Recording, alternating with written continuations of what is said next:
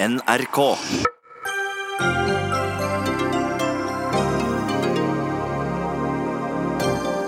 Tidligere Oslo-biskop Gunnar Stålseth er en lovbryter, men slipper fengsel. Tingretten har dømt ham til 45 dagers betinget og 10 000 kroner i bot for å ansette en eritreer som ikke hadde oppholdstillatelse i Norge. Blir du tatt med narkotika, enten du er rusmisbruker eller en ungdom, så skal du slippe straff, foreslår utvalg. Dette er en historisk dag, sier landets helseminister, mens Senterpartiet slettes ikke vil ha noen avkriminalisering av forbudte rusmidler. Arbeiderpartiet trenger kanskje Trond Giske for å gjenreise seg, foreslår kommentator i Dagsavisen, men han er det siste partiet trenger for å reise seg igjen, svarer en av partiets kvinnelige bydelspolitikere.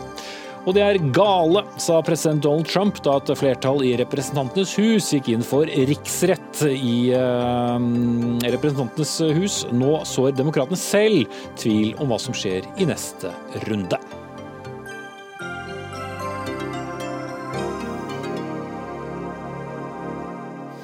Da sier vi velkommen til kveldens Dagsnytt 18, folkens. Jeg heter Espen Aas, og mot slutten av sendingen skal vi også diskutere det aller siste innen norsk bistand. 45 dagers betinget fengsel og 10 000 kroner i bot. Det lyder tilståelsesdommen mot tidligere Oslo-biskop Gunnar Stålseth, som falt i Oslo tingrett i dag. Siden 2008 har den eritreiske Lula Tekle jobbet som vaskehjelp hos ham, til tross for at hun hadde endelig avslag på asylsøknaden og mistet retten til å jobbe i Norge i 2011. Og Gunnar Stålseth, da slipper du altså fysisk å sone i fengsel, men ja, få deg til å kommentere dommen helt først. Ja, den var jo i det området jeg ventet den å komme, enten betinget eller ubetinget. Og det gjør ikke så mye forskjell for meg, fordi jeg tenker at det er en mindre straff enn de opplever som daglig, år etter år, 10-15-20 år, lever uten noe eksistensopphold her i landet. Så det er for meg å ta imot den dommen. Det er klart, en biskop er ikke trenet til det. Men når situasjonen var slik som den var, og jeg måtte følge min samvittighet og overbevisning i dette, så var jeg naturligvis også helt forberedt på å ta imot det som ble dommen i dag. Mm. Men du angrer ikke dine handlinger? Nei. Du slipper altså å sone, for det ble altså en betinget og ikke en ubetinget dom. Føler du at du ble behandlet annerledes? Nei, jeg tror ikke det. I alle fall så understreket jeg i mitt innlegg at jeg ikke ønsket noen særbehandling eh, fra alder eller embete, dvs. Si jeg sa status. Fordi det har jo liksom vært antydet at en, en biskop eh, som har gjort en tjeneste i kirken og for landet, må man være liksom litt sånn mer slepphendt med. Og det ønsket jeg ikke. Jeg ønsket å ta det fulle ansvar og vise det, ta det fulle ansvar for den handlingen jeg har gjort. Og det dreier seg jo om en lov som jeg mener ikke reflekterer det verdigrunnlaget som vi som folk er forpliktet på. Og det dreier seg om de aller svakeste iblant oss i samfunnet. Og enda mer, eller iallfall i tillegg, så dreier det seg om et tema som de aller fleste politiske partiene har grupper som mener at dette må løses på en annen måte enn det vi gjør i dag. Mm. Så det er ikke sånn særanliggende verken for Kirken eller for fagbevegelsen eller for noen få av oss. Det er et folkelig anliggende som vi har løftet opp. Mm. Men like fullt så ble da altså loven eh, lik for alle, og du har da brutt loven? Ja.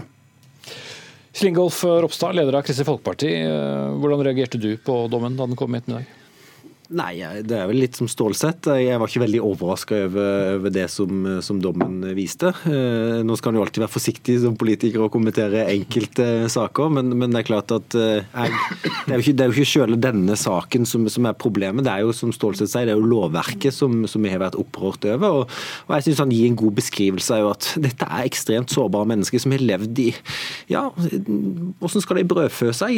En, en, knapt penger i det hele tatt, ikke har mulighet til å kunne jobbe og komme i gang gang med livet. Og, og, mm. Men de skal jo ikke komme i gang med livet her. Det er jo fordi de ikke har fått noen ja, men de er ureturnerbare, eh, og de er i en ekstremt krevende situasjon. og Iallfall når du snakker om disse menneskene som har vært her i 10-15-20 år.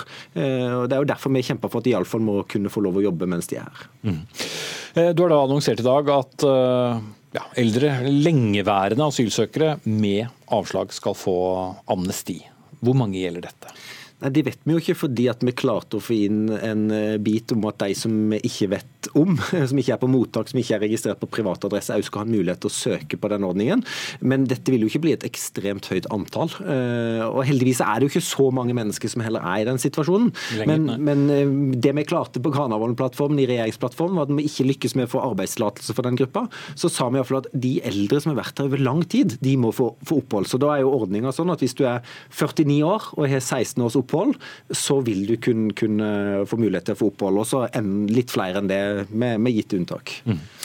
Stortingsrepresentant Karin Andersen fra SV, var det riktig å følge loven og dømme Stålsett? Loven er jo slik at det ikke er lov å ansette noen som ikke har arbeidstillatelse. Og det er jo òg for å beskytte folk som er sårbare mot å bli utnytta. Men loven må endres. Og det er jo ikke, det er jo ikke den Altså vi skal ikke endre det sånn at det er lov å ansette noen som ikke har arbeidstillatelse. Vi må endre det slik at mennesker som eh, må være her, har lov til å forsørge seg sjøl med ærlig arbeid. og det er, det er, sunn fornuft. Og Nå har man liksom prøvd den strenge linja i ganske mange år, og vi ser jo at det løser jo ikke problemet. Og det er mange dilemmaer i disse sakene. Men vi må ta noen valg, og da velger i hvert fall vi å den løsningen som gjør at de som vi ikke får returnert, og som ikke sjøl tør å returnere, at de har mulighet til å forsørge seg med ærlig arbeid. Da unngår vi helt eh, ekstrem fattigdom. Og vi unngår òg svart arbeid og arbeidslivskriminalitet. Og vi unngår òg at folk som da føler et humanitært ansvar for folk, kan risikere da å, å, å, bli rett og slett en lovbryter. Så vi mener at det er en bedre løsning enn det vi har nå. Mm. Ja, Ståseth, eh, hva syns du om dette forliket? Jeg er glad for at uh, man nå finner en løsning, selv om vi ikke vet hvor mange det dreier seg om. Men det er ikke en løsning som kan frita oss fra å jobbe videre med å få denne loven endret. Men det er ikke godt nok, da, mener du? eller? Det er godt nok for de enkelte det dreier seg om, og som, som ikke vet hvem er og hvor mange er. Men eh, en amnestiløsning kan fort bli en sovepute, og så er man etter fem år, hvis den samme loven praktiseres som den gjør i dag, så er man der man må prøve en ny eh, løsning som det. Og jeg er jo glad for at det er eh, partier på Stortinget som i lang tid har vært opptatt av å endre selve loven. Og det jeg håper kommer ut av denne merkverdige dagen, er jo at det blir ny energi og nytt fokus i det arbeidet. Mm. Er du enig i den beskrivelsen? Også? Ja, jeg er veldig enig. og, og Dette på, skal på ingen måte være en sovepute for KrF, iallfall. Eh, jeg deler fullt ut det Karin Andersen òg sier, at her er det dilemma. Men, men dette, på et eller annet tidspunkt så må du òg vektlegge det menneskelige aspektet her, med at de er i en ekstremt sårbar situasjon. Og det at de kan arbeide, tenker jeg at hvis de da eventuelt blir sendt tilbake på en senere tidspunkt, så vil den erfaringa eh, de da har opparbeidet seg, det vil bare være noe bra å ta med seg. Og da har de iallfall kunnet bidratt, istedenfor å bli dratt inn i arbeidslivskriminalitet eller bli utnytta. Mm. Da sier vi takk til deg, Gunnar Stålseth. Og så skal vi få inn stortingsrepresentant Michael Tetzschner eh, fra Høyre, som også skal være med, med å diskutere eh, denne saken. Eh, får spørre deg også, da, Tetzschner. Var det en, en riktig dom i dag? Ja, nå er vi jo lovgivere, så vi tar til etterretning det domstolene kommer frem til. Og, men ut fra en, en allmenn vurdering så ser det ut som den, den, er fundert i den lovgivningen som Stortinget har vedtatt. Og Det er utmerket, fordi Stortinget ønsker ikke at folk som ikke har lovlig opphold i Norge, skal forbli i Norge. Det er sakens kjerne. Mm. Uh, og forliket, er det en god løsning? Ja, det er jo et mer konkret uh, forlik for å løse noen problemer. Men det er jo ikke slik at lov, lovutvikling kan skje ved sånne punktvedtak. Men jeg ser ikke bort fra at det ville vært til hjelp for, for noen. Og denne 65-årsregelen, hvorav du må ha Altså, Summen av oppholdstid i Norge og i levealder skal eh, da være 65 eller mer, men så må du også ha vært der i minst 16 år. Det er jo et ganske høyt hinder. da. Så jeg er ikke så bekymret for eh, konsekvensen av, av det forliket. Men så det er, ikke for mildt sett med dine øyne? Nei, men så skal man jo også passe på at man ikke uthuller loven som skal ha en større bestandighet og forutberegnelighet ved å stadig ha amnestier. fordi det kan jo også gi falske forhåpninger til folk da som kommer til Norge bare for å holde en lav profil. Og det er et, et, samfunn som vårt hvor vi ikke har kontinuerlig overvåking av borgere og ikke Eh, man ikke hele tiden må, må vise identifikasjonspapir, så er det jo fullt mulig. Å, å, gå under radaren. og Hvis det frister mange, så kan vi også ha lagt grunnlaget for flere øh, veldig store personlige tragedier senere. Karin Andersen, svar på det. Ja, nei, Det jeg reagerer litt på, er at det er, det er, noen som tror at det går an å løse alle verdens vanskelige situasjoner med en lov i Norge. Det gjør det ikke. Og det at noen skulle gå under jorda, vil jo da Altså Det vil man jo løse ved å kunne gi folk en midlertidig arbeidstillatelse mens de faktisk er ureturnerbare. Og Jeg har jo fulgt noen av disse sakene på ureturnerbare som har vært i Norge ganske lenge, og som har etter hvert fått rettshjelp og tatt saken sin til retten. og Flere av de har altså vunnet. Og de er ikke opphold på humanitært grunnlag de har fått, de har fått asyl. Og Det betyr jo også at de, vi må forstå at for noen av disse menneskene så er redselen for å bli returnert reell. Vi snakker ikke om rettsstater som Norge nå, vi snakker om Eritrea, vi snakker om Irak, vi snakker om Afghanistan. Men likevel så har UDI avslått ja, men, at de skal få asyl få fullføre, da. fordi at Spørsmålet er jo om vi nå ligger liksom på streken der vi er helt sikre på at alt som blir vedtatt er riktig, eller om vi er på gærne sida av streken. Og Det er stramma inn nå så kraftig gjennom flere år at vurderingene er så strenge at Norge nå er strengest i klassen. Og vi har eksempler på at folk har blitt sendt tilbake til tortur og fengsel. Sånn at hvis vi hadde vært litt mer på den sikre sida, så tror jeg også vi hadde hatt færre av disse sakene. Så det henger litt sammen med det at det er, ikke, det er ikke bare lykkejegere som kommer hit for å klamre seg fast, det er folk som er faktisk reelt sett redde for livet sitt ved å bli returnert. Mm. Det, det, siste er jo ikke riktig, for det er klart at hvis man blir torturert og, eller bare returnerer til nedverdigende og umenneskelig behandling, eh, som er også et vidt begrep og, og, heldigvis slår inn lenge før man snakker om tortur, så skal, så skal, det ikke returneres. Det vi snakker om her, det er de ureturnervillige. Altså de som ikke kaster lys over sin egen bakgrunn, som brenner sine eh, dokumenter. Eh, du vil også bruke et annet ord her, bare så Ja, det er altså mennesker uten lovlig opphold i Norge. La oss fastholde det. Hvis, hvis Norge skal være en selvstendig stat, så må, og det er også noe som kjennetegner en selvstendig stat, at den, den den hevder sine grenser suverent selvfølgelig innenfor folkeretten, og det gjør Norge. Men hvis man ikke eh, er konsekvensorientert i disse sakene, så vil man jo finne ut at det som da regulerer eh, tilstrømmingen til landet, ikke er en effektiv bremse, og det har vi ikke mandat til fra men, befolkningen. Men Tetzschner vet veldig godt at flere av disse, flere av disse sakene er dømt. La Tetzschner fullføre. Jeg tror jeg hadde ordet. Og Det er også Stortingets vilje som da eh, reflekterer den brede majoritet det er for at vi skal ha styr styr på grensene. Vi skal passe på Norge. Vi skal også passe på at det ikke kommer folk inn som utsetter eh, befolkningen for eh, uakseptable jo, Nå er vi litt på to ytterpunkter her, er vi ikke det? Eh, Ropstad og så Andersen. Ettersom jeg er enig i hovedlinjen i norsk asylpolitikk med at det skal, det skal være kriterier, og så skal du få opphold ut fra det. Og Hvis du ikke har rett på beskyttelse, så skal du returneres. Og så er det klart at argumentene fra, fra Høyre, Arbeiderpartiet, Senterpartiet, Frp når det gjelder arbeidstillatelse for ureturnerbare, det handler jo om at iallfall nå tolker folk er det, da, men det handler om at det ikke skal gis et insentiv for å bli i landet. Men, men historien siden 2011, når dette ble endra, har jo vist at folk blir i landet. Og det er jo fordi at de er livredde for å bli sendt tilbake igjen. Så, så ja, instituttet må fungere, men, men, men, dette gjør jo bare hverdagen deres mye verre. og det, Jeg tror ikke det er så veldig mange av de heller som eller det er iallfall ikke alle som kunne ha fått jobb. Så poenget vårt er jo at la nå de iallfall jobbe. Og så må man jobbe med andre virkemidler for å legge til rette for en frivillig retur dersom det er mulig. Og dere snakker om eh, ureturnerbare og returnervillige her, så det er jo forskjellige måter å beskrive det på. Ja, de er jo, de er jo ureturnerbare. Og det, og, det skjer, og det skjer jo ikke i et vakuum, dette her. Det skjer jo i en situasjon der både Norge og andre europeiske land har stramma inn asylpolitikken også veldig, veldig hardt. Og Det betyr jo at det er eh, for mange saker, mener jeg, der eh, vedkommende vinner når de får rettshjelp og tar saken sin til retten.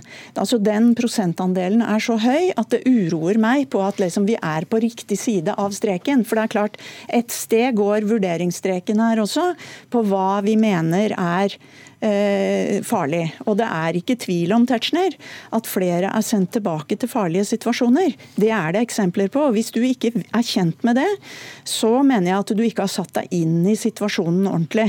Ok, jeg må sette... Ja, man kan angripe ethvert et, et vedtak ut fra at man har tatt for mye eller for lite i. Eh, men da vil jeg også jeg etterlyse en erkjennelse fra SV om at man har sluppet folk inn på helt urettmessig grunnlag, som senere har utgjort en norsk fare for, altså gjort, utgjort en risiko for norske borgere.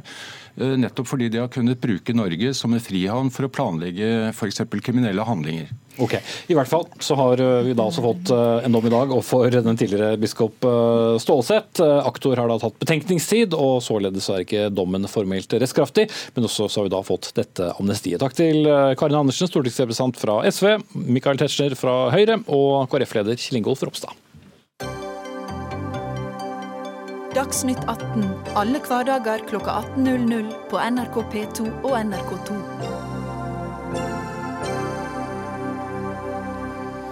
Men det har skjedd mye i eh, norsk politikk eh, i dag. Om ikke lenge så kan ja, hvem som helst kjøpe og bruke mindre mengder narkotika uten å risikere straff, dersom Rusreformutvalget får gjennom sitt forslag. I dag leverte utvalget sin rapport til helseministeren, og enkelt fortalt så går altså utvalget ikke inn for å legalisere, men det som heter avkriminalisere kjøp og bruk av forbudte stoffer, så fremt det dreier seg om mindre mengder og at det er til eget bruk.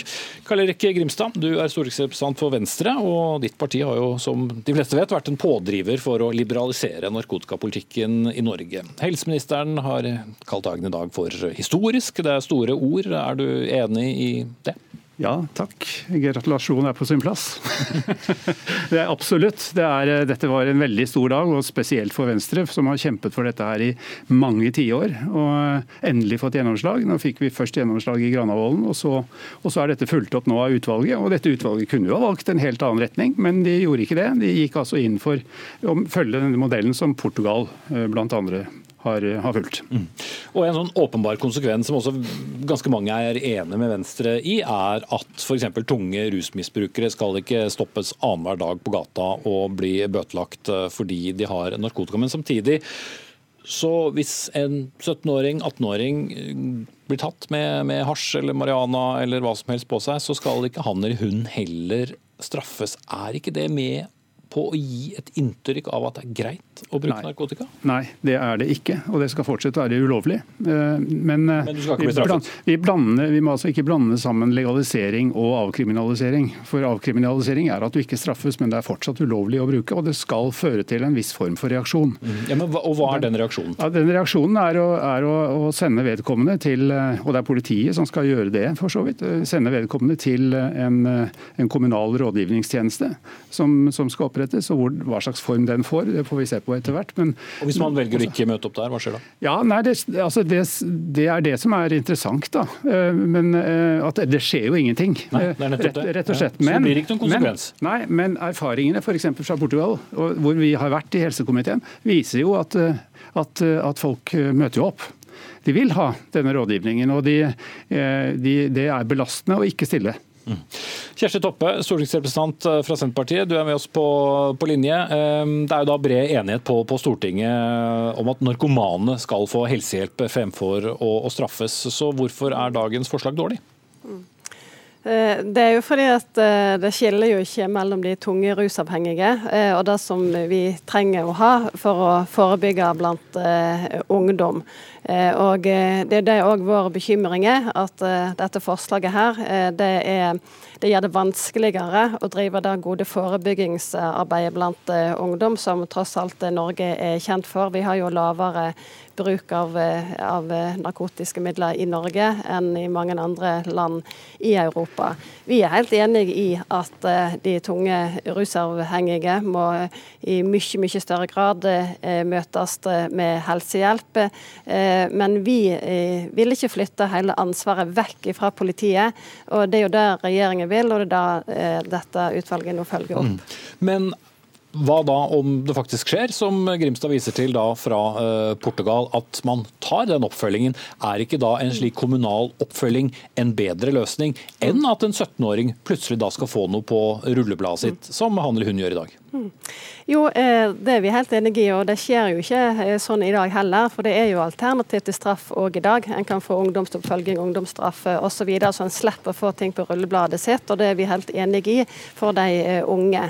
Men det som utvalget foreslår nå, det er jo at de får en oppmøteplikt. Ja, men dere var inne på det før. Det får ingen som helst konsekvenser dersom en ikke møter opp her.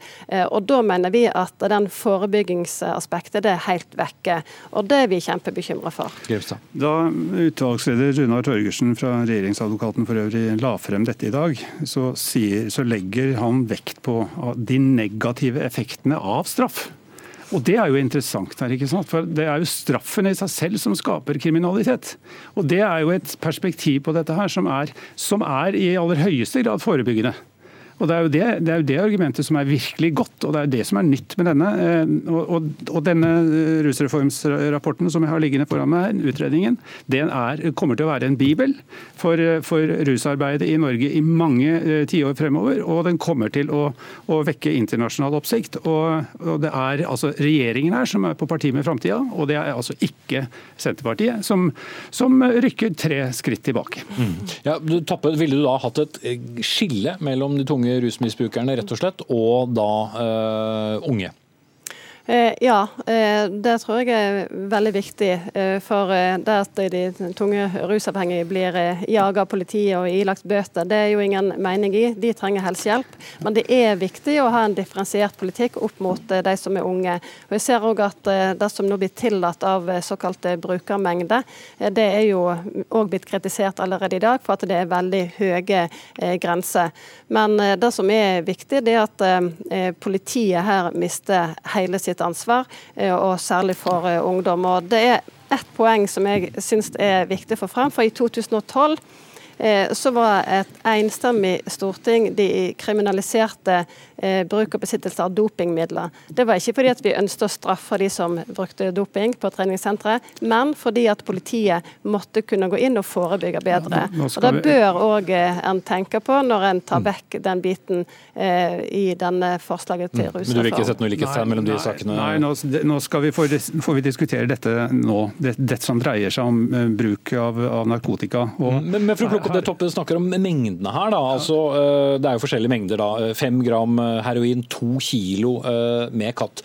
Ja. Ganske mye katt, men lite da kan man argumentere med når det gjelder en tung rusmisbruker. Fem gram fører det ikke bare til at en rusmisbruker må oppsøke den kriminelle, altså den som selger narkotika, enda hyppigere? Altså det, ikke, problem, det, problematiske med det der er ikke til stede i, i Portugal.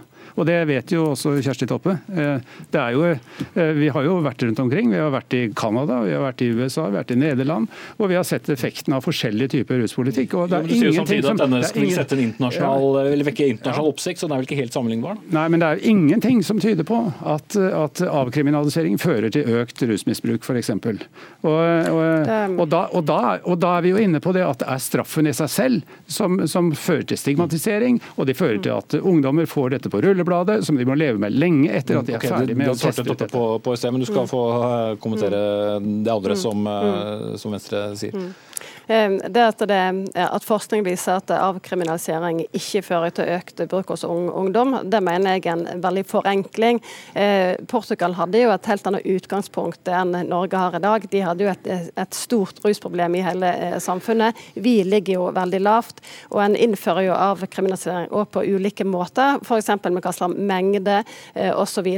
Så, så Så her kan en ikke ta dette for gitt, at dette ikke vil føre til noen konsekvenser for ungdommens bruk av narkotika når det blir avkriminalisert. Og det får altså ingen som helst konsekvenser om en skal møte opp i kommunen eller ikke. Det får ingen konsekvenser. Det trodde jeg faktisk det skulle få, for da kunne jo vi ha vært med på en sånn modell at hvis de ikke møtte opp, så ville det i ytterste konsekvens kunne få en, en konsekvens. Men her er politiet helt vekke. Eh, nå er det altså sånn, debatten er i gang, og forslaget fra rusreformutvalget skal ut på høring. Helseministeren sa i dag at han tar eh, sikte på at det skal vedtas eh, ny ruspolitikk i Stortinget i løpet iallfall av denne stortingsperioden. Takk til Karl Erik Grimstad, stortingsrepresentant for Venstre, og Kjersti Toppe fra Senterpartiet.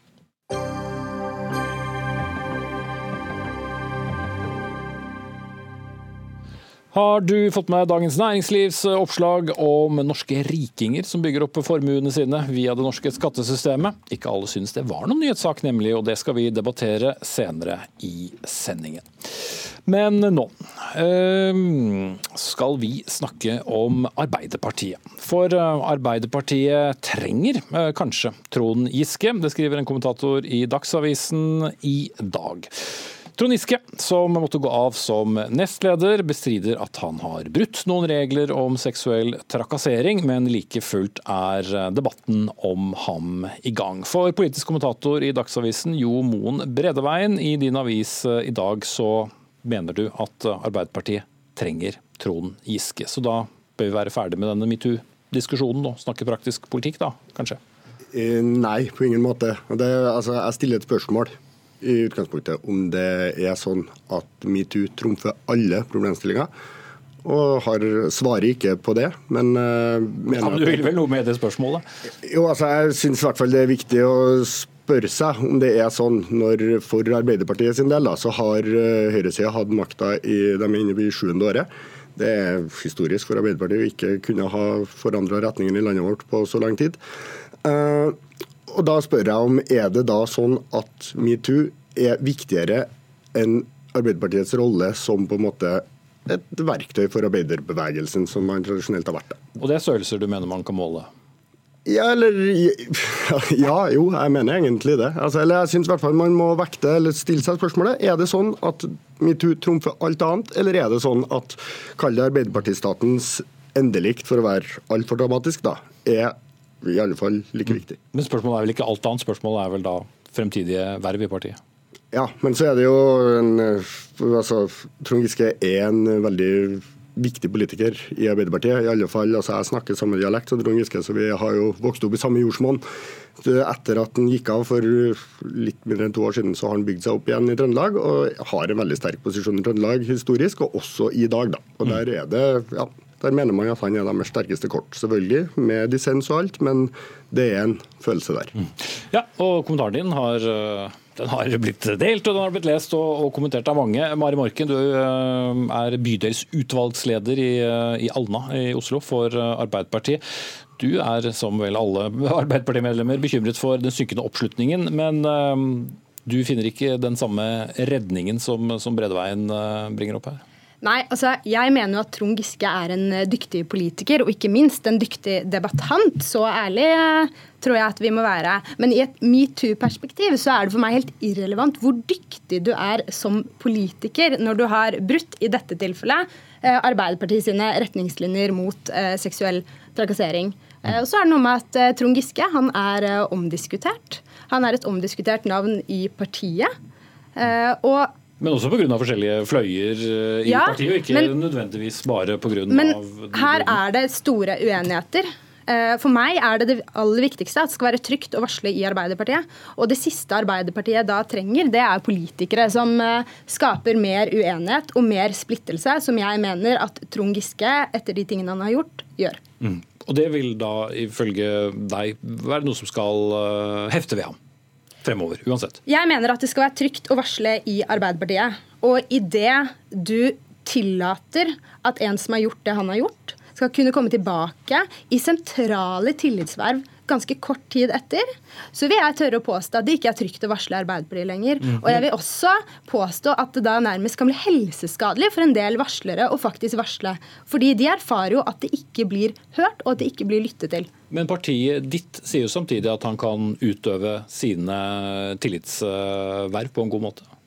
Så mener jeg at det å komme tilbake til partiet og det å få sentrale ledende posisjoner, det er to ganske forskjellige ting. Eh, det er ikke noe eh, selvfølge at du skal kunne ha ledende posisjoner. Det krever det tillit til, noe jeg mener Trond Giske ikke har. Men han har jo veldig stor tillit i Trøndelag, som er det vi snakker om her. Han har, han har stor tillit i Trøndelag, og Trøndelag får ha sine prosesser. Og de får stå på sitt eh, og gjøre sitt valg. Jeg håper at de kommer til å stå på varslernes side i denne saken. Mm. Eh, og Det er selvfølgelig umulig å dra opp en linje her, for uh, Trond Giske er ikke dømt eh, for noe, men altså eh, brutt da interne eh, partiregler. Jo Moen Bredveien, hvordan skal man trekke en grense? Altså, du stilte selv spørsmålet trumfer metoo alt, og så nyanserte vi det litt. Men ser du ikke, når du hører kommentarer som Morken, og de veldig mange andre kommentarene jeg vet du har fått etter den kronikken, at det kanskje skaper mer støy enn ro i partiet? Det, for det, la meg først bare si det at jeg er jo veldig enig i omtrent alt du sier om eh, metoo her. Og at det er et veiskille, og at det er veldig viktig at disse historiene kom fram, og at maktmenn mista makta. Men samtidig så er det som du sier, altså det er jo ikke lover som er brutt, og det blir på en måte på et eller annet tidspunkt så mener jeg at det er riktig å stille dette spørsmålet. da. Og det er det jeg har gjort her. Og så Angrer du på at du stilte spørsmålet? Nei, det gjør jeg ikke. Altså, Reaksjonene er voldsomme. Jeg hadde håpa at uh, det hadde blitt lest litt mer velvillig av noen enn at uh, det anklages for konspirasjonstenking rundt at metoo har oppstått i ei Oslo-boble. Så er det noen som har skrevet om det jeg skrev i dag. Altså, det, det står ikke det i teksten, og det er slettes ikke min intensjon. Metoo er reelt, metoo er viktig. Det er et stort veiskille. Og det er klart, Jeg skjønner at det er provoserende at jeg som hvit mann sitter her i middelaldrende og mener at det kanskje er på tide å slippe tilbake Trond Giske. Men jeg syns i hvert fall da at det, vi må ta den debatten på et eller annet tidspunkt. og Så prøvde jeg å innlede den nå, for han er kjempepopulær i Trøndelag. Eh, Det er jo sånn at Selv om jeg bor i Oslo og har gjort det i mange år, så jeg, har jeg kontakt i Trøndelag. Og det er veldig stor kritikk av det jeg har skrevet der også, men også veldig mye støtte. Når 74 av Ap-velgerne i Trøndelag sier de har stor tillit eller har tillit til eh, Trond Giske, eh, forteller deg en historie om at man ser forskjellig på det, f.eks. i Oslo og i Trøndelag? Marken? Det sier meg at eh, Giske er en eh, dyktig politiker, som han jo er. Eh, og som jeg sa i stad, så får jo Trøndelag stå for sine prosesser og sine valg. Men jeg håper jo at de velger å stå på varslernes side her, og vise at det Trond Giske har gjort, det er ikke forenlig med å ha tillitsverv i Arbeiderpartiet. Og særlig høye tillitsverv. Så her kan man ikke ha to tanker i hodet på en gang, som dere er så glad i på, i politikken. Som sagt, jeg mener at det han har gjort, det er ikke forenlig med å høye tillitsverv i Arbeiderpartiet. Og det håper jeg jo også at uh, Trøndelag eh, kommer til å ende opp med som resultat. Ja. Takk til Mari Morken, som er bydelspolitiker i for Arbeiderpartiet i Oslo, og Jo Moen Bredeveien, som er politisk kommentator i uh, Dagsavisen. Og som sagt, Giske selv bestrider altså at han har brutt partiets regler, og viser til et brev fra Ap fra 7.12. i fjor, der de skriver partiet har i sin behandling av sakene ikke gitt noen gradering av alvorlighetsgraden, og har heller ikke sett det som sin oppgave å vurdere om det foreligger brudd på likestillingslovens bestemmelser om seksuell trakassering. Partiet har derfor ikke trukket en slik konklusjon.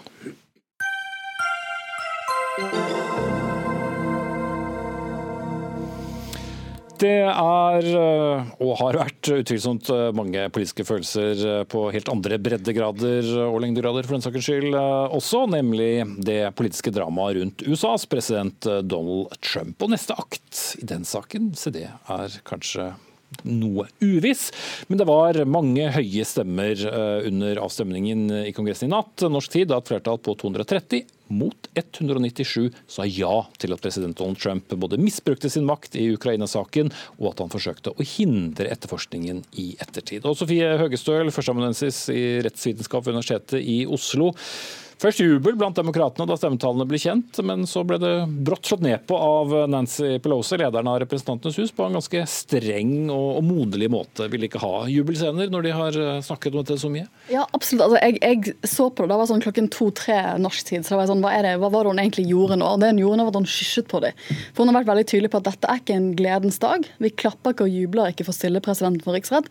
Dette er trist, og dette er alvorlig. Og Derfor vil hun ikke at de skal klappe. Mm. Men hva er det de egentlig vil videre, da? Det er jo det man krangler om i dag. Det er selve prosessen. Eh, for Nå skal jo saken egentlig over til Senatet, hvor man skal ha en, en sånn riksrettssakshøring da, av hele saken på nytt. Eh, og Det er de som skal være dommere. Og Nå krangler man egentlig om hva prosessen skal være. For Den amerikanske grunnloven den skriver ikke så mye detaljer om hva prosessen skal være. Den sier egentlig bare at det er Senatet som skal høre saken. De skriver ikke så mye mer enn det. Og Det betyr at man må Det har jo bare skjedd to ganger før. Og Da må man finne ut av hvordan skal det skje denne gangen. Og Det Nancy Pelosi holder på å gjøre nå, det er å si at vi sender ikke saken over til Senatet innen vi får litt mer klarhet i hvordan dere har lyst til å gjøre denne riksrettsprosessen. Mm. Kjell uh, Terje Ringdal, førstelektor i retorikk ved Høgskolen Kristiania. Mens stemmene ble da talt opp i natt, så kommenterte Trump saken fra et uh, valgmøte i, Michigan. Mens vi skaper arbeidsplasser og kjemper for Michigan, blir den radikale venstresiden i Kongressen fylt av misunnelse og hat og raseri. Disse menneskene er gale. Når Trump ut ja. med det budskapet? Ja, ja. det er det han gjør. Rungende, ja. ja. da. Nei, og Det er jo det som er det interessante, eh, om enn også tragiske. At uh, Trumps uh, posisjon er jo å være ikke-politiker. Det er å gjøre de tingene som hans grunnfjell av velgere ønsker han skal gjøre. Nemlig å ikke være politiker, være i opposisjon, sparke ned søppelkassene i Washington, drain the swamp. Og redde disse velgerne hans fra dette uhyrlige deep state og alle de politiske vedtakene som gjør livene deres dårlige. Så her er det altså eh, ingen grenser for hvor eh, høy og mørk denne lyse mannen eh, kan være. Eh, fordi eh, han er politisk usårlig. Eh, argumentene har abdisert. Debatten foregår på symbolplan og på det psykologiske plan. Så uansett hva som skjer i Senatet, hvordan man akter å gjøre det, så kommer nok Trump til å gå seirende ut. Og da disse jubelscenene som jeg nevnte, det virker det også inn på hans uh, narrativ? Bare sånn, se, se så glade mm. de blir? Ja. Eh, fordi hele historien som han har bygget opp, veldig effektivt, som han egentlig, grunnhistorien som vi hører hver eneste dag, er Eh, politikere kan du ikke stole på, du kan stole på meg. Se bare på eh, jobbproduksjonen, på økonomiproduksjonen, se på ditt eget liv, se på huset ditt, bilen din. Alt har nå kommet under kontroll.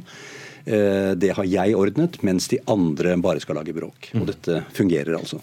Ja, fordi amerikanerne, i hvert fall halvparten av dem, støtter jo stadig Trump. da, Mens republikanerne, som jo for så vidt kan ha litt forskjellige meninger om sin egen president, de også liker jo ikke dette. Og, og mange på den siden også mener jo at dette handler uh, om å uh, ja, hater presidenten, for å uh, sitere en republikaner, Chris, uh, Chris Stewart, som mener at dette ikke handler om Ukraina. helt tatt. Ja, og Det har jo vært splittelsen hele veien. at På den ene siden så sier republikanerne at dere har hatt han fra dag én. Dere ville ikke ha han valgt. Dere har begynt å snakke om riksrett helt fra begynnelsen av. Det er upassende. Nå har dere endelig funnet en sak dere prøver å henge dette på. da. Men det er bare politisk tull. På den andre siden så sier demokratene at vi ser at det kan bli veldig politisk utfordrende for oss å stille han for riksrett.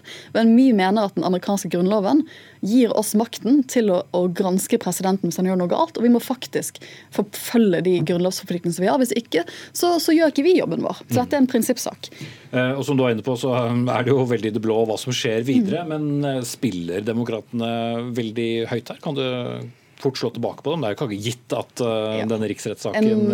endrer statusen til Trump, er det noe som president. Nei, og det, jeg var i USA i tre uker i uh, oktober-november, og da var liksom det samtaleemnet jeg hadde med demokrater og republikanere for så vidt. Ingen vet helt hva som skjer. for det, dette er den tredje gangen i historien. Dette er historisk. Dette er bare andre mm. gangen i moderne tid.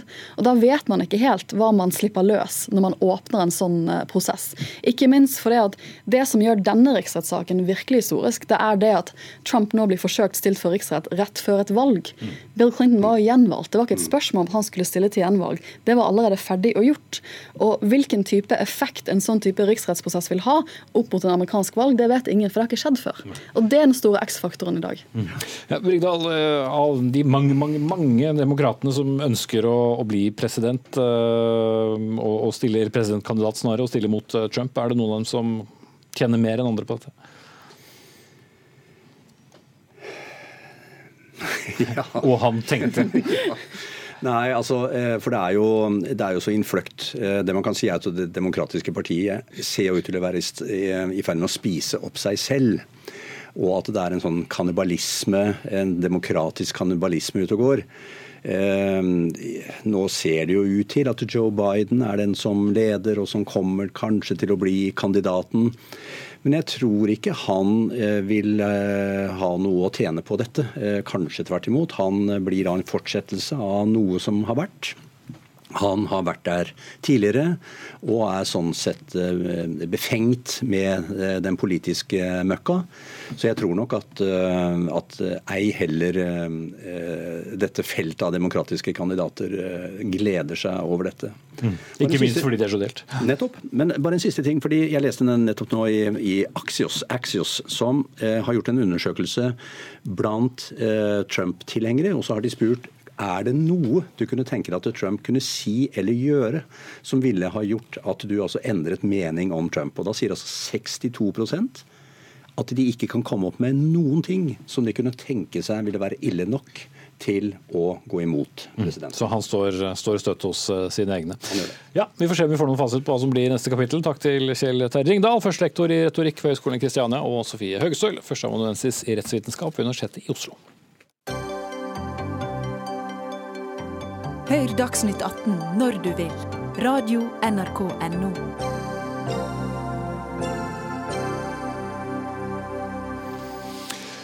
De som uh, følger med i den uh, rosa, eller tidligere rosa, uh, næringslivsavisen Dagens Næringslivs serie om hvordan skattesystemet her i landet kan bidra til at formuene til landets rikeste vokser, har kanskje også fått med seg at denne serien har vakt både en viss oppsikt og ikke minst debatt. Avisen publiserte i forrige uke en sak om eh, det som eh, noen kjenner som fritaksmodellen, som betyr at eh, utbytte og gevinst av f.eks. aksjer er skattefritt når det er et selskap som står som eier av aksjene. Er det derimot en person som eier aksjene, så må det betales skatt. Denne fritaksmodellen gjelder tilbake fra 2004, og betyr da at en privatperson kan opprette det som heter et holdingsselskap, hvor avkastningen av virksomheten kan bygges opp uten at den blir beskattet i flere omganger. Det er kompliserte saker, dette, så vi ser om vi klarer å komme til bunns. Eh, Bettina Banon, du er partner i advokatfirmaet Wiersholm, og du har også en doktorgrad i, i, skatterett. og Du skrev et innlegg som het 'Milliardærbløffen' du, i Dagens Næringsliv. og Du kaller denne saken både sensasjonspreget og historieløs. Så legger det ikke seg opp formuer, som avisen skrev? Jo, eh, Det som var veldig spesielt med den artikkelen, er at den, eh, de brukte krigsbokstaver. De ga inntrykk av at man avdekket en, et smutthull for milliardærene eh, som var lite kjent. Og at dette var en veldig mye mindre beskatning enn man hadde tidligere. Det er oppsiktsvekkende lite samsvar med hvordan disse reglene er. Altså dette her, Grunnen til at man har fritaksreglene, er for å unngå kjedebeskatning. Altså At du beskattes både i holdningsselskapet og så som eier av holdningsselskapet f.eks.? Ja, eller man tenker seg at man har et AS som driver en virksomhet, sier Aker. Så beskattes man der for virksomheten. Da skal det ikke bli ny beskatning om man eh, tar utbytte opp til holdingselskapet. Da kommer det først en ny beskatning når man tar dette ut på privat hånd. Mm. Så det var ikke noe nyhet, er det det du sier? Nei, det var ikke noen nyhet. Eh, og, eh, og, det har også vært en veldig skatteskjerpelse eh, med reglene for aksjer fra 2006. Og det var sånn sett ga det et veldig skjevt bilde. Mm. Terje Erikstad, finansredaktør i Dagens Næringsliv. Slår dere opp ikke nyheter? Det vi har gjort, da, som, er, som, ikke, som kanskje egentlig burde ha vært gjort av myndighetene, det er å prøve å se på hva er de faktiske konsekvensene av den skattereformen som du eh, beskrev? da? I 2006, ja. ja um, og, det vi har gjort, er at vi har, vi har sett altså på over 1000 selskaper. Eh, tilhørende rundt 650 av de rikeste i landet. Og så har vi sett på hva betaler de faktisk i skatt. For den, den modellen som ble innført, som heter dels aksjonærmodellen med fritaksmetode, den skulle da sikre to ting. Det ene var at lønnstagere, som deg og meg, skulle skattlegges på samme måte som de som har kapital og mottar penger privat, da, mm. som kapitalinntekter. Og så skulle den også sørge for produktive investeringer. Og Så er spørsmålet har den gjort det. Og Det vi dokumenterer, da, er jo at for de superrike så er skatteprosenten mye lavere enn for en vanlig lønnstaker. Og hva er grunnen til det? Jo, er at disse skattefrie midlene de står i et holdingselskap, og de skattlegges, som eh, Banon sier, når du tar dem ut. Men de behøver ikke å ta dem ut, fordi dette er ikke penger de trenger til sitt forbruk. En liten aksjonær som er avhengig av å ta ut alle pengene, vil bli beskattet som deg og meg. Jo, men det er ikke da poenget at da, da, blir de jo skattlagt med en gang de tar dem ut? Jo, men det, Hva har de da å tjene på å la dem stå? Ja, altså Poenget er jo at hvis du hele tiden kan Du har en regning, og hver gang den forfaller, så kan du skyve på den. Jeg har et nytt forfall en gang i fremtiden. Ja, Da forfaller den kanskje aldri. Og det er det som er en, eh, Men de kan fortsatt ikke bruke pengene? Eh, nei, de kan ikke bruke pengene direkte. Det kan de ikke. Eh, men de fleste av de superrike de kan få ut penger en del skattefritt, helt lovlig, og det er ikke noe kritikk av det. Eh, og veldig mange hadde da også skutt inn skattefrie midler som de kunne bruke i veldig mange år. Eh, og det var også helt lovlig. Eh, det var sånn skattereformen ble lagt. Så har du, dere bare skrevet om ting som er helt lovlig, da? Som er banons... Jo, men Vi har jo ikke påstått at det er ulovlig. Vi, det, vi, det vi det vil få frem, er hva er faktisk tilstanden? Hvor mye skatt betaler de rikeste? Og hva går investeringene til? Eh, er dette produktive investeringer eller ikke? Mm. Og Det er vel ikke dårlig journalistikk? Det er jo ikke Vi, vi vanlige går ikke rundt og kan alle disse skattereformene og, og regler fra både 2004 og 2006? Jeg er veldig for at man skal belyse skattlegging, og også belyse hvordan det slår ut for de rike og for andre inntektsgrupper. Men man må gjøre det på en måte som er edruelig, og hvor man da f.eks. kan man ikke skrive at direkte går ubeskattede midler fra Aker til eierne, når det hele bygger på at man skal beskattes i Aker først. Det er kjedebeskatning. Man kan ikke skrive en artikkel om fritaksmodellen uten å nevne at dette her er for å unngå kjedebeskatningen. Og Derfor må man gå tilbake igjen. Vi har unngått kjedebeskatning helt siden 1992, og hadde også før det andre regler. Gamle skattereformen. Gamle skattereformen. Da var det bare 28 beskatning i selskapene og ingen utbytteskatt, og du fikk oppregulert inngangsverdien med skattlagt kapital også for kapitalgevinster. Så var det EØS-stridig, for det var bare for norske forhold, og derfor så måtte man ta, få fritaksmetoden. Når man da i 2006 fikk økt eh, utbytteskatt, så var det en markant skjerping. Den var primært gjort for profesjonsutøvere sånn som eh, meg, som, hvor man har den der med lønn eh, og, og, arbeidsinntekt, at man skulle få til at det skulle være likt. Som Eriksson nevnte, ja. ja. Mens for de som var rene aksjeeiere i store selskaper, så var det en ren skjerping. Man gikk fra 28 selskap på null til 28 og nå da uh, uttaksutbytte. Ja. Men, men altså, spisset dere saken litt ekstra? Nei, altså det vi har gjort er jo å, å bringe fram konkrete eksempler på hvordan aktører tilpasser seg helt lovlig og rasjonelt ut fra deres syn. Men milliardærenes skattefrie pengebinger? Jo, men det er jo, det er jo en stor det er veldig interessant, fordi at disse midlene de står da i disse holdingselskapene som eies av privatpersoner. Så lenge de står der, så skattlegges de ikke. Og hvis du kan la dem stå der i til evig tid, så er de skattefrie. Men da har Men, du heller ikke noe nytte av det, annet enn at du setter dem der? da? Altså... Jo, altså, eh, eh, Poenget er at en person, la oss si, ta Kjell Inge Røkke, da. han vil jo aldri Han har en formue sånn bare på Aker, eh, aksjene sine på nesten 30 milliarder. en nettoformue skattemessig på 18 milliarder. Han vil jo aldri klare å forbruke de pengene. Det er hele poenget. At, at for de som ikke behøver de midlene til noe forbruk, sånn som de flere småaksjonærer trenger det, men ikke de superrike, fordi at de kan få ut eh, noen penger nok til å leve et helt greit liv. Ja, men, mens de andre pengene lar du da stå, stå der, og ja, er det du kaller da en pengebing. Ok. Ja.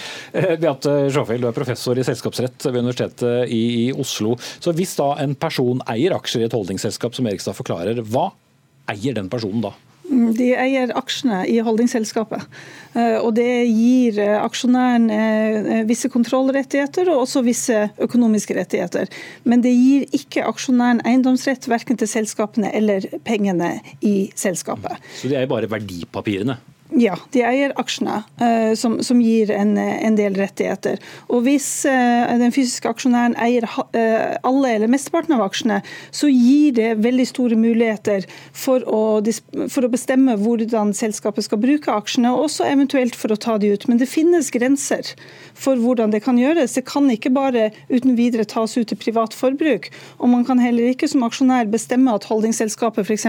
skal kjøpe en hytte som aksjonæren skal bruke, og så tenke at alt det er skattefritt fordi det ikke skal skattes før det tas ut som utbytte, f.eks. Så sånn sett så blir det en slags pengebinge, da, som Dagens Næringsliv og, og Erikstad kaller det, eller? Ja, eh, det, det, på en måte så er det jo en pengebinge, men, men det, er jo, det, er jo, flere spørsmål her. Det ene er hva, hva, som skjer som er helt lovlig at det skjer. Eh, og så skjer det eh, utvilsomt, sånn som, vi, som jeg har sett generelt i, når det gjelder bruk av forskjellige muligheter mellom aksjeselskaper i et konsernforhold, f.eks at det skjer en del som er på kanten av loven eller, eller direkte i strid med loven, som ikke fanges opp verken selskapsrettslig eller skatterettslig. og Det er et problem. Men så er jo spørsmålet midt imellom der om eh, denne skattereformen, og det syns jeg er et godt poeng i, i DNs eh, sak, om denne skattereformen har gitt noen utslag som er i strid med intensjonen med den. Hvis den har gjort at istedenfor at eh, eh penger eh, som står i holdningsselskapet kan investeres videre i produktiv virksomhet, hvis de da blir stående der uten at de, de blir brukt eh, til noe fordi aksjonæren ønsker å vente til et eller annet passende tidspunkt, så er det jo et spørsmål om skattepolitikk. Altså det, det, forskere har eh, dokumentert, er jo at de selskapene som ble opprettet nettopp for dette formålet, å være holdingselskaper, de eier mer av den type eiendeler som aksjonæren kan ha glede av, sånn type fly eller båter eller biler eller eiendom. Og, og, og Det er interessant å finne ut er, hvorfor er det sånn. Altså, det, det høres ut som om det kan være greit for aksjonærens forbruk. da. Ok, Hvis du klarer å være kort på det helt slutt, Banan. Ja, og også der så viser man jo da bare halve bildet. For hvis du har private eiendeler i aksjeselskap, så er det jo veldig streng praksis som får både uttaksbeskatning og utbyttebeskatning. Så da blir det jo litt spesielt at man bare fremstiller det uten å si at her har vi regelverk som eh, tar sikte på det. Og også er det veldig spesielt at hele formålet med at man skal reinvestere, er jo fordi man, eh, samfunnet er tjent med det. Og det er jo derfor vi også nå har aksjonærsparekonti, sånn at også småaksjonærer kan gjøre det samme. At det er eh, komplisert, tror jeg opptar flere av våre seere og lyttere har konkludert med også. Vi, vi, vi gjorde et uh, forsøk her. Takk skal dere ha alle tre. Bettina Banon, partner i uh, Wiersholm. Terje Erikstad, finansredaktør i Dagens Næringsliv. Og Beate Sjåfjell, professor i selskapsrett ved Universitetet i Oslo.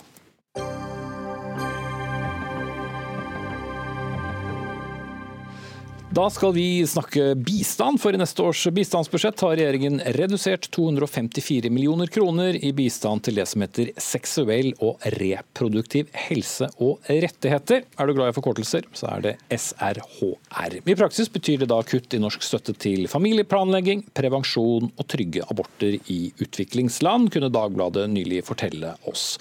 Dette kuttet kommer til tross for en vekst i det samme budsjettet på 1,36 milliarder kroner. og Dette er da Dag Inge Ulsteins eh, første budsjett som utviklingsminister fra Kristelig Folkeparti. Men Anniken Huitfeldt, eh, stortingsrepresentant for Arbeiderpartiet, du har eh, reagert på dette. Hvorfor det? Jo, for det er en sånn stor reaksjonær bølge over hele verden, hvor amerikanerne går i spissen. Men også andre land kutter på både abort og prevensjon. altså det er land som Vatikanstaten, Saudi-Arabia, Polen. altså Alle innskrenker det som er kvinners rett til å bestemme over egen kropp. Og Derfor var det veldig mange land som gikk sammen da, og sa at nå må vi øke.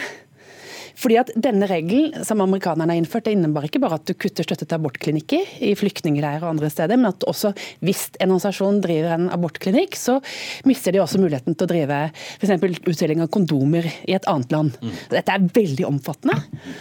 Og Derfor er det viktig at Norge øker sine bidrag. Mm. Derfor, Signalet Norge sender? Det er jo veldig sterkt signal. Altså For det første så kommer denne regjeringen til makt på bakgrunn av at man ville skrenking av abortloven. og Det har jo omtalt i veldig mange tidsskrifter. og Det første bistandsbudsjettet hvor det er så stor økning, så kutter man på det som handler om kondomutdeling, det handler om hjelp til gravide med hiv-smitte, og også abortklinikker i flyktningleirer, som er veldig viktig. Dag Inge Ulstein kunne ikke stille selv, men det kan du, Aksel Jacobsen, som er en statssekretær i, i UD. Hva, hva, er begrunnelsen for uh, dette kuttet? Ja, først og fremst må jeg si at det blir en helt feil framstilling av regjeringens politikk, og også KrFs politikk i, eh, som kommer her. Vi... Men kuttet er reelt? Eh, nei, det er ikke, ikke? reelt. Altså, for det første må vi se, Hvis vi ser tilbake til 2017, da lovte eh, denne regjeringa å øke støtten til dette feltet med 700 millioner innen 2020. Og Det har vi klart ett år før tida. så har vi økt det med 700 millioner. Og I november i år så var utviklingsministeren i Nairobi på den store befolkningskonferansen der i regi av FN. og Der gikk Norge i spiss, og vi var de fremste som forplikta oss på å gi 10,4 milliarder norske kroner over en periode fram til 2025 til dette arbeidet. Men er det i praksis et kutt eller ikke?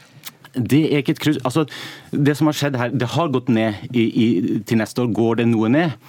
Greia der, og det, og det her kjenner jo Huitfeldt til, at, at innenfor den posten som, av de pengene som går til SRHR, så er det også påfylling til store fond. Og De eh, forpliktelsene går over flere år. Og det som har skjedd er at man, man, kan gi ulikt hvert år, og man har gitt noe mindre, særlig til det globale fondet, det første året. Men det kommer til å øke. sånn at eh, det vi gir over tid, kommer til å være det samme. Og det snittet kommer til å være veldig høyt. Og vi har en lederrolle internasjonalt, og internasjonalt så, så eh, settes det veldig stor pris på den jobben Norge gjør, både med penger men, men, men og med politikk. Som, men timingen som Huitfeldt eh, peker på? da? Nei, altså, Vi har økt med 700 millioner, og vi har forpliktet oss på et langsiktig bidrag med over 10 milliarder. Og Er det noe vi trenger denne, på dette politikkfeltet, så er det langsiktige penger som skaper en forutsigbarhet. Så du litt kort, Huitfeldt? Nei, overhodet ikke. Så Denne regjeringen sendte ut da bistandsbudsjettet kom, åtte pressemeldinger. Hvor det var store og små økninger, som man skrøt veldig av. Og Det blir veldig symbolsk når dette kuttes såpass dramatisk. Det legges merke til internasjonalt. og Det er jo masse prosjekter som nå trenger penger. Det er jo utdeling av prevensjonsmidler. Vi, trenger hjelp til gravide som er hiv-smitta. Og da blir det lagt merke til internasjonalt. Og det er jo klart at dette er et sterkt signal. For det er et signal om at mens vi gikk opp fra forfjor til i år, så går vi nå ned. Hvis vi går opp igjen neste år, har det noe å si? Ja, men hvis du ser på tallene, da, nå skal ikke jeg komme for mange tall her. Det var 2,1 milliarder da vi satt i regjering, og så gikk det ned til 1,3. Så økte det noe etter at Trump tok over, for da skulle Norge fylle inn det som var eh, gapet. Men nå går det altså ned igjen, på samme nivå som var det laveste når Høyre har styrt. Og dette legges merke til. Og så sier du at vi har en global lederrolle. Vel, da Sverige, Danmark, Luxembourg og eh, Belgia og Nederland tok initiativ til at man skulle få flere penger til dette da amerikanerne kutta, så var Norge veldig sein på banen sammenlignet med andre land. Så Jeg kjenner meg ikke igjen at vi er så veldig langt frampå. Det var i så fall før vi kom inn i kontorene, og vi har vært på ballen fra første stund. Og vi har tatt en internasjonal lederrolle. ok, Men disse organisasjonene som da eh, forbyr altså, de, eh, altså USA vil jo da forby støtte til utenlandske organisasjoner som utfører abort, henviser til abort eller jobber for liberalisering av abortlovgivning. Er KrF og regjeringen enig i den politikken? Nei, vi, vi, er ikke enig med Trumps politikk. Vi tar veldig sterk avstand for den. fordi at, Som Anniken var inne på, det, Dette rammer veldig bredt. Det rammer eh, prevensjonsutdeling, det, det rammer seksualundervisning. Det rammer også bekjempelsen av malaria og hiv-aids. Men Rammer det ikke da hvis dere går ned på budsjettet, selv om det bare er for et år? Vi går ikke ned, vi satser mer enn noen gang på det her. Det er veldig få felt der vi har forpliktet oss til 10 milliarder. Så det her er, det blir helt feil å, å framstille som en, en 20 sekunder til slutt, Huitfeldt er et stort kutt, fra i år til neste år. Det kommer til å ramme mange mennesker, og du kan ikke snakke deg bort fra det. Det er en passiv rolle når det gjelder Nei, det seksuelle feil. og reproduktive Det må jeg rettigheter si, det er helt feil. Kondomkutt kom overraskende i fleisen, var overskriften til Dagbladet. Så ikke sagt det også. Aksel Jacobsen, takk skal du ha, statssekretær i UD fra Kristelig Folkeparti. Anniken Huitfeldt, stortingsrepresentant fra Arbeiderpartiet. Ansvarlig for dagens sending, det var Anne Katrine Førli. Det tekniske ansvaret hadde Frode Thorshaug. Her i studio satt eh, Espen Aas, og det blir ikke vasket jul her ennå, for vi er tilbake igjen i i morgen vi, med helt fersk sending.